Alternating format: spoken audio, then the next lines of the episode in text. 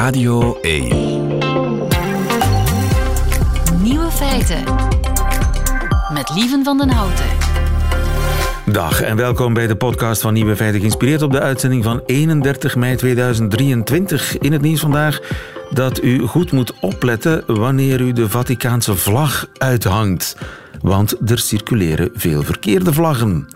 De vlag van het Vaticaan is geel-wit met een grote pauselijke tiara erop. Wereldwijd hangen er vlaggen waarop de onderkant van die tiara rood is. Maar dat is fout. Die hoort wit te zijn.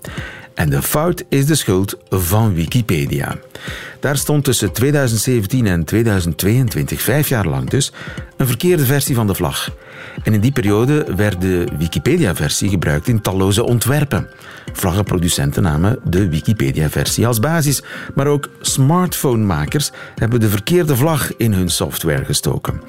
En pater William, pater William Becker, gespecialiseerd in de Vlaamse vlag, was eigenlijk de Vaticaanse vlag, zegt dat het Vaticaan de fout aan zichzelf heeft te danken. De website van het Vaticaan biedt alleen een verbale beschrijving van de vlag. Het Vaticaan moet zelf met een afbeelding komen in hoge resolutie om misverstanden te vermijden. Dat zegt hij. Maar God ziet dan kennelijk toch niet alles. De andere nieuwe feiten vandaag. Een eeuwenoud middel tegen jicht zou ook kapotte knieën en heupen kunnen voorkomen. Elektriciteit gewoon uit de lucht plukken, het kan. Zonnepanelen zijn makkelijk te hacken, hoe erg is dat? En Rick de Leeuw vindt een Nederlands equivalent voor lighthousing. De nieuwe feiten van Nico Dijkshoorn die hoort u dan weer in zijn middagjournaal. Veel plezier. Nieuwe feiten. Radio 1. Zonnepanelen zijn een makkelijk doelwit voor hackers. Daarvoor waarschuwt een toezichthouder in Nederland. Luc Pauwels, goedemiddag. Goedemiddag, lieven. Energiespecialist van onze redactie. Eh, zonnepanelen kunnen kennelijk makkelijk gehackt worden. Wist je dat?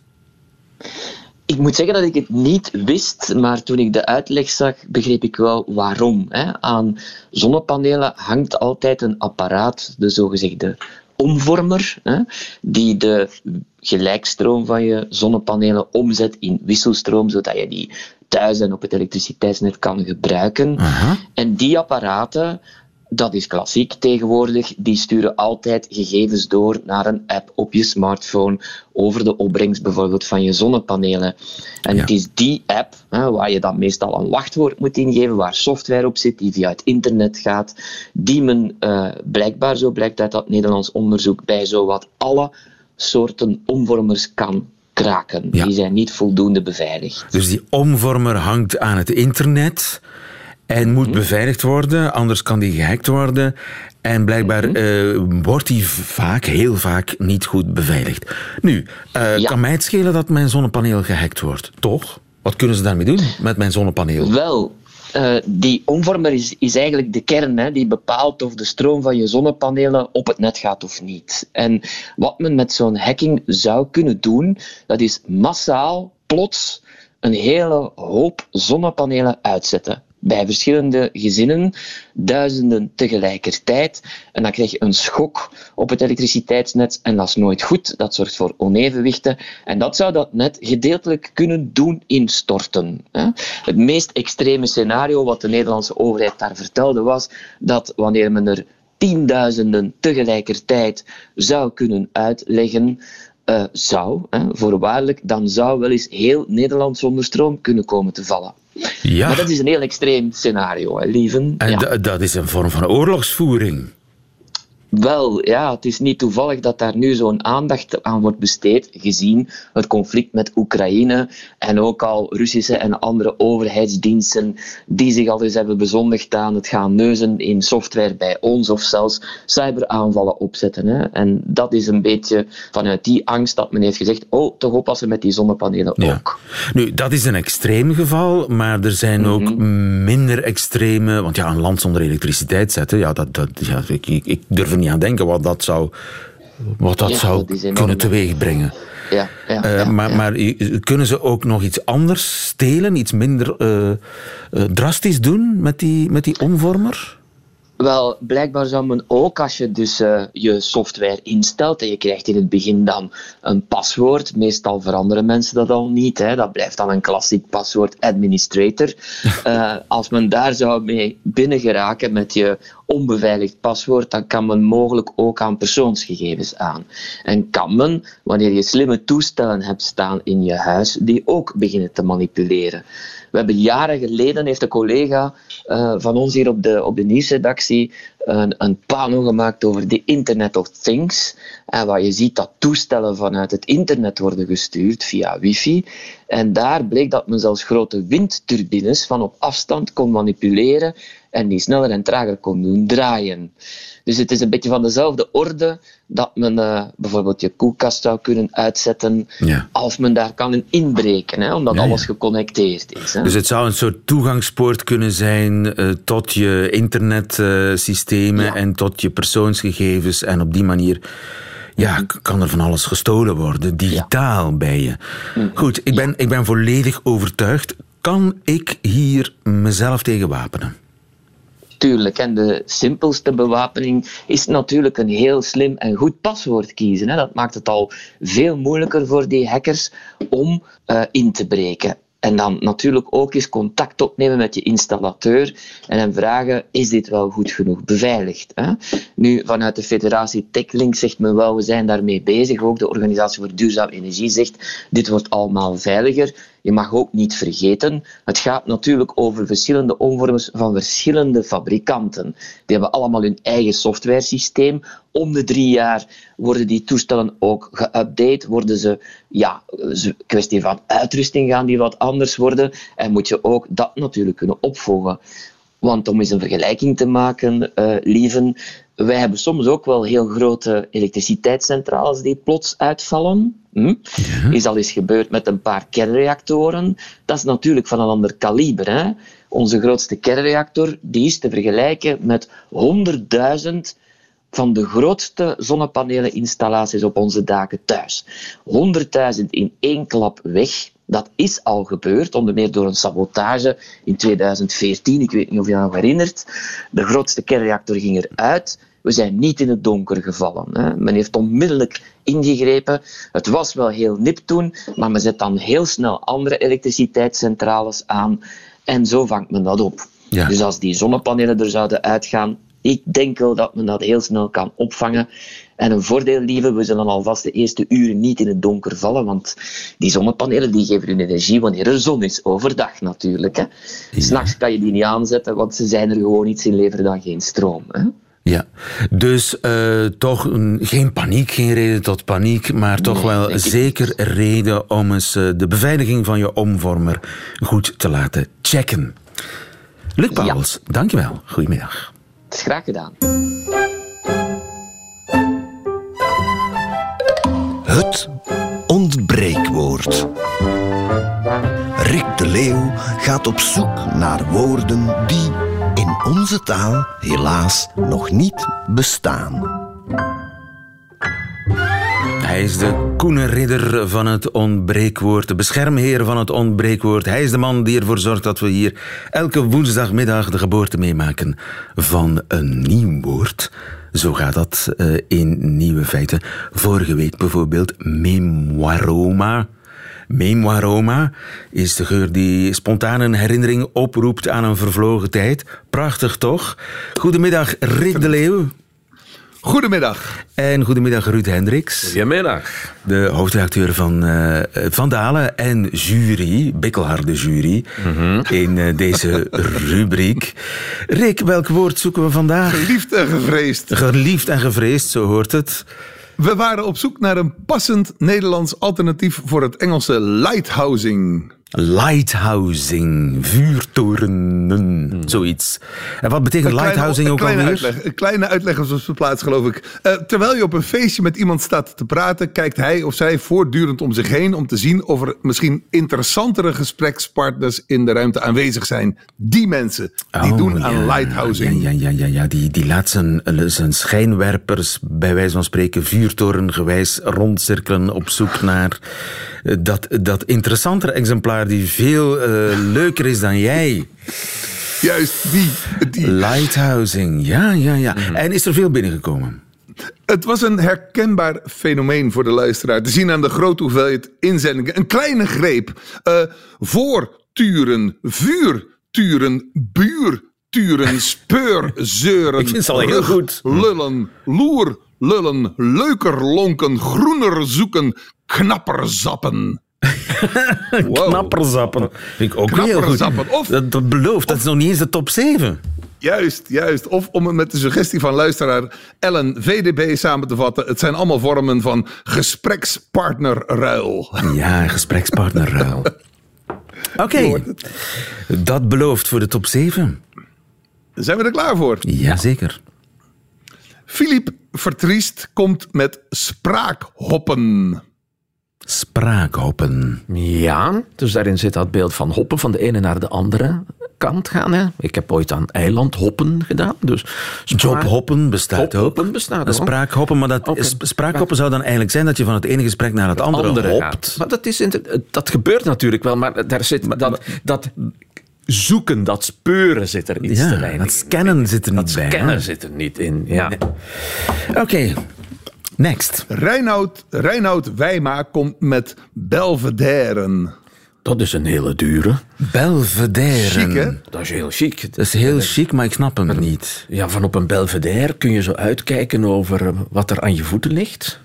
Oké. Zou het daarmee te maken? Maar het is misschien iets te ruim. Ja, Misschien iets te ruim. Dan zou dat speuren zit er ook minder in. Het, het, het is voor mij iets meer wat je op een mooie zwoele zomerdag doet. Ja. Belvedere. Ja, ja, ja, ja. Oké. En in bepaalde kringen. Hè? hebben. Het heeft ook iets, iets, iets chichi-achtigs, dat Belvedere. Waardoor ja. je toch op zoek bent naar, een, eh, naar iets meer... Iets hogers. Iets Ja, hogers, ja. ja, ja. Ja, ja, ja. Ja, ja, zo snap ik hem. Oké, ja, misschien.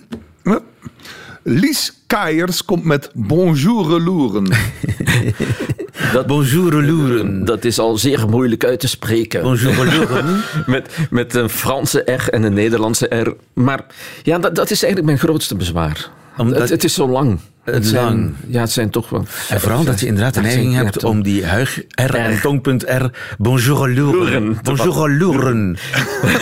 Loeren. Er zijn mensen die dat spontaan doen. Hè. Ik heb ooit iemand Frankrijk horen zeggen. Ja, Frankrijk. maar je doet dat automatisch. Want bonjour loeren klinkt, dan, loeren. dat Ja. klinkt dan ook weer ineens niet zo netjes Dat is onzedig, volgens Ja. mij. Oké. Ja. Saskia Zeil komt met Omhoog praten. Omhoog praten, maar dat, dat, dat eh, begrijp ik verkeerd. Juist, dat ik is iemand de, de lucht in praten. Oh, ik, ik, ik interpreteer het als van je praat jezelf zoveel dat je jezelf aan het ophemelen bent en je praat je omhoog in de hiërarchie. Oké. Zo interpreteer ik het. Ik- Dat kan de bedoeling zijn Ja, van, van lighthousing. ja. Maar dat is dan de, de onderliggende motivatie. Maar goed, Ja, eh, ja, d- er is ja, een eh, onduidelijkheid, Saskia, sorry. Maar een mooi woord. Maartje Elands komt met kraaiennesten. Kraaiennest. Ah, het kraaiennest is op een schip, hè? Ja, ja, ja. Dat, is, zo'n een soort uitkijkpostje boven in de mast. boven in de mast. Ja, waar mensen dus gaan kijken van... Dus wat dat vuurtorenen zit daar wel in. in- Kraaiennesten. Ja, ja. Niet slecht. Niet slecht, hè? Niet slecht. Niet slecht. Kraaiennest. Als werkwoord doet dat het goed. Ik kraaiennest. Of hij staat hier het was ooit een legendarisch radioprogramma. Hè? Het Kraaiennest. Kraaiennest. Jazeker. Dus, say Ja. no more. Ja. Say no more. Joost Smeets komt met opspieden. Ja, daar zit ook dat, dat speeden, dat speuren zit erin. Ook heel goed hoor. Ook heel goed. Aan het Maar opspeeden. speeden, Ja. Ja. Het is ook een beetje stiekem. Ja. Wat, wat het Ja. ook is, hè? Ja, ja, ja. Ik zag je wel opspieden. Ja, ja. Ja, ja. Mhm, mhm. Maar wat, is dan de, wat zit dan precies in dat op? Hè? Is dat Omhoog. zit- ook omhoog, dat van ik wil hoger op. Misschien. Ja. Ja. Oké. Ja, Ja, ja. de sociale ladder. De sociale Juist, ja. ladder. Staat. Ja. Hyacinth. Bouquet was weer aan het opspieden. Ik zie Ja. het zo voor me. Ja. Oké. Heerlijke beelden. Ja. En Stefan Houtman komt als zevende met VIP-scannen. Vind ik ook niet slecht. Vind ik ook goed. Ja, het is Het is goed, wel heel duidelijk. Ja, ah, je bent weer aan het VIP VIP scannen. Maar is het noodzakelijk een VIP? VIP. Het is misschien iets te vaag. Want je zou kunnen doen, zeggen van... Oké, ik ga naar eh, een feestje van VRT... en ik ga daar scannen of er daar VIP's rondlopen. Als gewone burger. Dat is ook veel. Kijk, daar loopt Ruud Hendricks. Hoor je ze? Ja, zoiets. Het overkomt me wel eens, maar minder vaak dan jou waarschijnlijk, Rick. Ja. Oké, nu hebben we daarmee hebben ze alles, hebben ze alles even gehad. Alles hè? even gehad, ja, ja, ja. ja. Oeh, moeilijke keuze vandaag. Nee. Aha. Lieve, wat zijn we toch eh, fijne mensen, gezegende mensen dat wij niet de jury zijn. Nee, oh heerlijk. Nee, nee, ik, ik ben... Het, af en toe moet je gewoon de- je eerste liefde volgen. Moet je, Dus moet je zeker doen. ik vind Eerste geda eh, eerste gedacht. dat lighthousing Lighthousing? in het Nederlands het beste wordt weergegeven. En nog beter zelfs. Met kraaiennesten. Kraaiennesten, gefeliciteerd Maartje Elands. Want laten we eerlijk zijn, lighthousen, dat beeld klopt toch niet, hè? Hm. Zo van, je zoekt met een schijnwerper, ja, maar dat is eigenlijk... Dat lighthouse is een baken, hè?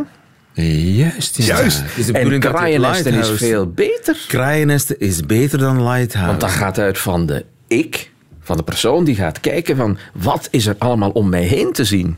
Veel beter dan wij, lighthouse. wij hebben het Engels verbeterd. Beter. Wij hebben het Engels verbeterd. En dat kunnen we niet elke dag zeggen. Hoe zeg je kraaiennesten in het Engels? Oh, probeer maar. Collega's bij de BBC, eh, zoek maar eens een Engels equivalent voor kraaiennesten. Goed, It's up to you, baby. gefeliciteerd Maartje Elands. Rick, we hebben een nieuwe opgave nodig. Wat zoeken we deze Ja. week? Met graagte. Ehm, een paar praktijkvoorbeelden. Eh, waar ik mijn sleutels heb neergelegd, weet ik vaak na een half uur al niet meer. En hoewel in mijn agenda staat wanneer onze buurvrouw jarig is, ben ik het gisteren toch weer vergeten haar te feliciteren. Maar het telefoonnummer van een jeugdvriend die ik zo'n 50 jaar geleden uit het oog verloren ben, dreun ik nog altijd moeiteloos op. En als je me vraagt wie in 1976 de aanvoerder was van het Nederlands waterpolo-team, antwoord ik zonder aarzelen Ton Bunk. Hoe komt het toch? Hoe komt het, de- en nu komt de vraag: hoe komt het toch dat we belangrijke zaken zo gemakkelijk vergeten en triviale informatie die volstrekt nutteloos is, de rest van ons leven onthouden? En belangrijker nog, hoe noemen we dat? Hoe noemen we die junk eigenlijk? Die rommel die we blijkbaar moeiteloos onthouden, terwijl belangrijkere dingen die vergeten we. Ja. Onbe- Juist. onbelangrijke, hardnekkige herinneringen. Zoiets. Oh, Ja, en vooral waarom, waarom vergeten we die niet Ja. en die belangrijke zaken wel? Ja, misschien dat, dat die uitleg ook in dat woord ingepakt kan zitten. Ja. Heb jij zo'n herinneringen, Ruud? Ik kan nog altijd mijn creditcardnummer opdreunen van in de jaren 90, toen ik voor de eerste keer in Amerika op vakantie ben geweest. En ik kan dat alleen in het Engels. Dat, dat is heel vreemd. Dat is echt heel vreemd. Dus dat klankenpatroon zit in mijn hoofd. Zeg eens. Het begint met 3741016284. Echt waar. Echt waar. Ik heb dat zo vaak aan de telefoon moeten zeggen. Ruud Hendricks heeft zo net zijn creditcardnummer op de radio Dat gezegd. niet meer werkt. Eh, en het is ook niet compleet. Zo dom ben ik nu ook weer niet. Eh, maar dat, ik, kan dat dus in het, ik kon dat echt in het Engels aframmelen en nu nog steeds. Ja. De menselijke geest. Als u weet hoe die herinneringen, die volstrekt nutteloze herinneringen heten, eh, laat het ons weten via nieuwefeiten.radio1.be of reageer via de app van Radio 1. Tot volgende week, heren. Radio 1. Nieuwe feiten. Een nieuwe knie, een nieuwe heup. Het is heel fijn dat het kan, maar je wilt het toch liever voorkomen. En misschien is er nu een middel ontdekt dat dat kan. Jan-Hein Cornel, goedemiddag. Goedemiddag. U bent cardioloog aan de Radboud Universiteit in Nederland. En je hebt een onderzoek gedaan naar een middel dat dat misschien kan, die nieuwe knie en die nieuwe heup voorkomen. En dat middel heet colchicine. Is dat een nieuw medicijn? Dat is een ongelooflijk oud medicijn, eeuwen oud medicijn. De Grieken en Romeinen gebruikten het al. Het komt uit een bolletje uit de tuin, herstijloos. Het is een plantextract. En van oorsprong wordt het gebruikt voor ontstekingen van de gewrichten zoals jicht. En met name als jichtmedicijn is het bekend. Een plantenextract waarvan de Grieken al wisten dat het eh, heilzame effecten had. Herfstijlloos. Ik vind het een prachtige naam. Maar dat is dus een plant. Het is een plantje in de, in, in de herfst zonder blaadjes, maar wel met een mooi paars bloemetje. En dat werkt, de, de, de, de bloemetjes werken Of zijn het de bloemetjes die werken als Nee, het ontsteking? zijn de bolletjes. De bolletjes. De bolletjes. Het is een bolgewas. Oké, en, en die bolletjes werken als ontstekingsremmer. Dat wisten we al. Dat wordt op dit moment al gebruikt voor jicht. Het wordt gebruikt voor jicht. En als cardioloog was ik een aantal jaren geleden geïnteresseerd in eh, het fenomeen dat als het op kristallen in je gewricht werkt, het misschien ook op cholesterolkristallen in de vaatwand werkt. Dus ik heb een onderzoek gedaan bij mensen na een hartinfarct. Eh, wereldwijd, 5.500 mensen. En die hebben dit medicijn gekregen. En de helft heeft placebo gekregen. En dan blijkt het heel erg eh, heilzaam te zijn. Het voorkomt hartinfarcten en het voorkomt dotterbehandelingen. Het voorkomt beroertes. Oké. Dus het werkt En- ook op die kristallen in en het voorkomt... Het is ook goed voor hart, eh, hart- en bloedvaten. Correct. En, en, en het onderzoek van hart- en bloedvaten eh, wekte weer de interesse van reumatologen eh, bij mij in de buurt van Nijmegen, de Sint Maartenskliniek. En die zeiden: Goh, zou het kunnen zijn dat het ook voor artrose werkt? Zullen we samen in het databestand kijken naar hoeveel knie- en heupvervangingen je geconstateerd hebt in beide groepen? En? Meer dan 30% minder knie- en heupvervangingen bij mensen die colchicine gebruiken. Dat En kan bijna mensen- geen toeval zijn. Ja, het effect is zodanig groot. Je zou kunnen zeggen dat kan bijna geen toeval zijn. En dat betekent dat we in Nederland nu van plan zijn om een groot artroseonderzoek te gaan doen. Want we willen nu aantonen dat bij artrosepatiënten dit ook zo werkt. En de kans is heel groot, maar we kunnen het nog niet met zekerheid zeggen. Er is een correlatie vastgesteld, maar nog geen kausaal verband. Correct, correct. Dus we moeten het volg- vervolgonderzoek, denk ik, eh, afwachten. Maar er zijn wel heel veel enthousiaste reacties, ook in Nederland al, van patiënten van, met artrose die zeggen: Goh, eh, zou ik niet deel kunnen nemen aan je onderzoek? Ja. Eh, want ik heb zoveel last en ik zou dolgraag eh mee willen helpen. Ja, en is het een goed idee om in afwachting van de resultaten van dat onderzoek nu al die colchicine te slikken? Het, wat ik in ieder geval kan zeggen is dat het heel erg veilig is. Eh, in de dosering die we gebruiken, eh, dat is eh, 0,5 milligram één keer per dag. En eh, voor hartpatiënten werkt het preventief voor hartkwalen. Lijkt me niet dat het heel erg kwaad kan, maar eh, het is natuurlijk niet geregistreerd voor artrose. Het is in Nederland geregistreerd voor jicht. Ja. Maar eh, negatieve bijwerkingen zijn er niet. Het, het zou misschien toch geen kwaad kunnen om dat preventief te gaan slikken. Ik denk dat je de proef op de som kan nemen en met je eigen arts kunt overleggen of dat geen goed idee is. Jan Hein Cornel, dankjewel en veel succes met het onderzoek. Graag gedaan, graag gedaan.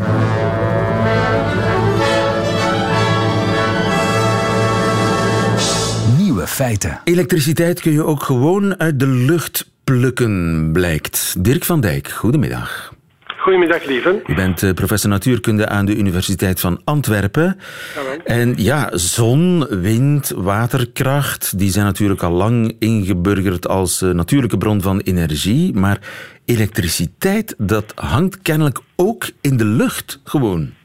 Ja, dat is waar. Ja, dat is waar. We weten dat al, hè. bliksems. Hè. Dat ja, is toch natuurlijk. elektriciteit die uit de lucht komt. Hè. En nu zijn collega's van jou erin geslaagd om die elektriciteit als het ware uit de lucht te tappen. Wat is, wat is de truc? Wel, de truc is eigenlijk, eh, het is een beetje onverwacht, maar eh, mijn, eh, als, als je dus een, een materiaal hebt, hè, dat kan de grond zijn, dat kan glas zijn, en dat wordt vochtig, als je er water op neerzet, dan wordt dat oppervlak geladen. Vooral als dat dus wat men noemt hydrofiel is, wanneer dat oppervlak water aantrekt en er komt een laagje water op, dan is dat, dat laagje water geladen. Elektrisch geladen. Goed, dat komt, ik ga er niet in detail, dat komt uit de, de, de structuur van de watermoleculen. En dat maakt een lading op dat oppervlak. Nu, als, je- als je spreekt over elektrische lading, dan denk je ook aan elektrische stroom. En elektrische stroom, dan denk je aan elektrische energie. Dus het idee is, kunnen we die elektriciteit die in dat waterlaagje zit, niet aftappen. Maar om elektriciteit eh, te hebben, om stroom te hebben, moet je ergens van, van hoog naar laag gaan. Van bijvoorbeeld een oppervlak waar veel lading op zit, naar een oppervlak waar weinig lading op zit. En daar kun je daar stroom uit trekken. Goed, natuurlijk, dat is, niet, dat is gemakkelijker gezegd dan gedaan. Wat die onderzoekers in Amerika gedaan hebben, dat is, ze hebben nanomateriaal gemaakt, dus heel dun materiaal met heel kleine kanaaltjes in. En die zo is, zodanig is dat er dus aan de bovenkant wel veel lading wordt afgezet, gewoon door het absorberen, absorberen van water. En, veel, en die, er gaat natuurlijk ook water door die kanaaltjes. En aan de onderkant wordt ook lading afgezet, maar veel minder. Dus er ontstaat een ladingsverschil tussen de bovenkant en de onderkant. Ja. Die kanaaltjes, dat is niet zomaar te maken. Die moeten ongeveer 100 nanometer diameter zijn. Dus 100 nanometer, dat is heel ja, klein, heel hè? Ja, kijk, eh, een, een duizendste van een millimeter is duizend nanometer en dan nog eens gedeeld door 10. Dus een tienduizendste van een miljoenste, millimeter. een miljoenste van... Of een tienduizendste van een millimeter. Ja, een tienduizendste van een millimeter of een nanometer is een miljardste van een meter. Of- een miljoenste van een millimeter is één nanometer en dan honderd. Ja. Eh, Heel smal, heel klein. Ja, heel klein, zo moet je het zien. Absoluut. Veel kleiner dan een haar. Zo klein dat je het met oog nooit kunt zien. Hè. Dus een honderdste van.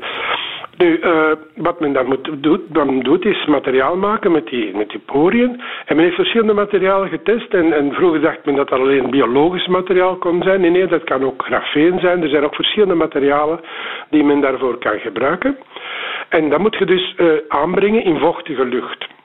En dan ontstaat er lading aan de bovenkant en minder lading aan de onderkant. En de, en de, verbinding tussen de boven- en de onderkant wordt gemaakt door al die kolommetjes eigenlijk. hè, En, en, en moet je dan een soort eh, kunstmatige wolk maken? Een soort mist maken? Vochtige Eh, lucht nee, maken? Nee, het volstaat, nee, het is merkwaardig, je moet niks maken. Het volstaat dat er mist is. Hè. Dus als er geen is, moet je zorgen dat er wel is natuurlijk. Maar, maar ook in, in, in, in, eh, in onze gewone dagelijkse... Ja, er is altijd... Er is altijd luchtvochtigheid, water aan ja, binnenlucht. natuurlijk, En als het, natuurlijk, je merkt het ook als, je, want, want eh, als water water kapt, het dampt, het, verdroogt, dus die dam die gaat in de lucht. Hè.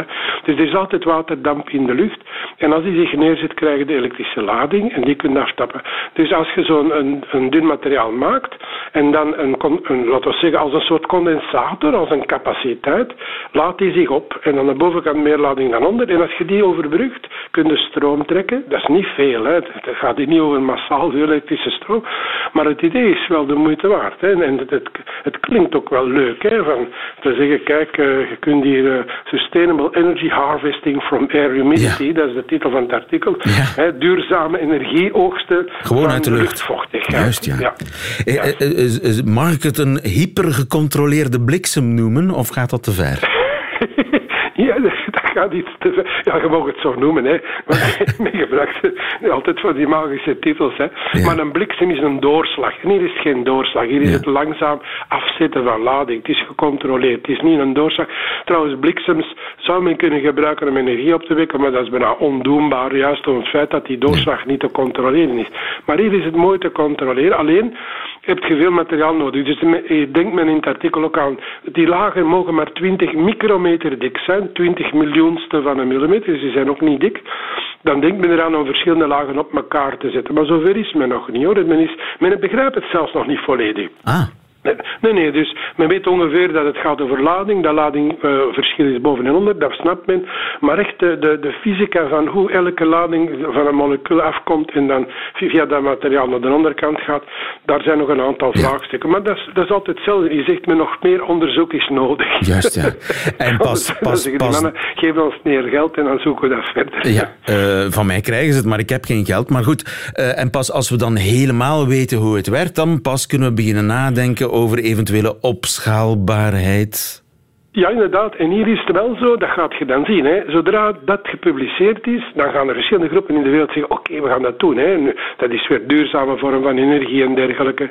Hè. Dus, eh, en dat zijn mogelijkheden en daar zijn middelen voor voorzien. En het is zo dat nieuwe dingen ontstaan. Ja. Het is niet gezegd dat het... Dus, het wordt heel veel voorbelovend voorgesteld. We moeten het allemaal nog zien in de praktijk. Maar het is toch een, een nieuw mechanisme dat tot hiertoe nog niet ontdekt was. En dat opent altijd wel perspectieven. Ja, eh, we zijn heel benieuwd. Dirk van Dijk, dankjewel. Oké, Goedemiddag. lieven. Goedemiddag. Dag. Nieuwe feiten.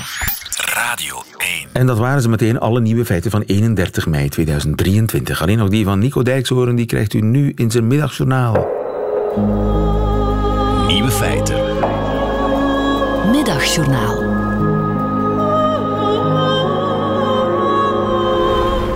Beste luisteraars, gisterenmiddag ging het hier in dit programma over de hamerhaai en dat hij heel lang zijn adem in kan houden. En uw presentator, Lieve van de Houten, vond daar van alles van. Wat was dat voor aandachtstrekkerij? Die vis die had toch gewoon kieuwen? Waarom zou je dan je adem inhouden als je kieuwen hebt? Je kon duidelijk horen dat het lieve van de Houten emotioneerde. Wanneer je met de boot naar Engeland gaat, dan zwemt Lieve 30 meter achter de boot en roept hij steeds armen. We hebben armen om te zwemmen. Maar luisteraars, dat was het nog niet eens. Lieven vond ook dat de hamerhaai een opvallende kop had. In de vorm van een hamer namelijk. En ik vond dat bijzonder. Lieven heeft blijkbaar een heel specifiek beeld van hoe vissen eruit moeten zien en hoe ze zich moeten gedragen. Ik houd mijn hart vast als uw favoriete presentator ooit oog in oog komt te staan met een vogelbekdier. Schreeuwend vlak voor dat beest: Wat is het nou? Maak een keuze. Ben je nou een vogel of een bever? Maar luisteraars, nog heel even over dat adem inhouden. Mijn vader veranderde in ieder zwembad meteen in een hamerhaai. Mijn vader had dan wel geen kieuwen, maar hij vond het heerlijk om heel lang onder water te blijven. En dat had natuurlijk weer allemaal met applaus en bewondering te maken. Het ging hem vooral om het bovenkomen. En ik denk ook om het idee dat mensen hem heel even misten als hij onder water was. En dat ontroert mij nu. Mijn vader was graag lang onder water, omdat hij dan hoopte dat er allemaal mensen juichten als hij eindelijk weer eens boven kwam. Ik ben daar als klein jongetje vaak bij geweest. Al mijn vriendjes waren dol op mijn vader. Hij stond bekend als de Aquaman. En hij liet zich in het zwembad vallen. Wij verzamelden ons langs de kant en als je heel goed keek, dan zag je hem op zijn gemak op de bodem liggen. Vreemd genoeg was ik altijd de eerste die zich zorgen begon te maken. Terwijl mijn vriendjes hardop tellend bijhielden hoe lang mijn vader al onder water was, zag ik iedere keer een leven zonder vader voor me. En of ik dan wel een goede zoon zou zijn. Of ik ook iemand zou kunnen worden die echt iets goed kon. En of ik ooit iemand zou worden waarom werd gejuicht als hij plotseling weer tevoorschijn kwam. Naast mijn vriendjes voelde ik heel voorzichtig aan mijn nek. Ik had geen kieuwen.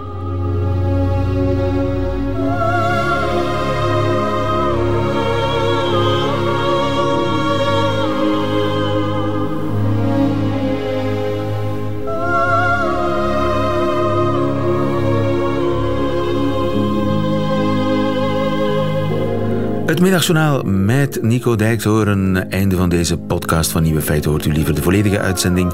Dat kan natuurlijk elke werkdag live tussen 12 en 1 op Radio 1.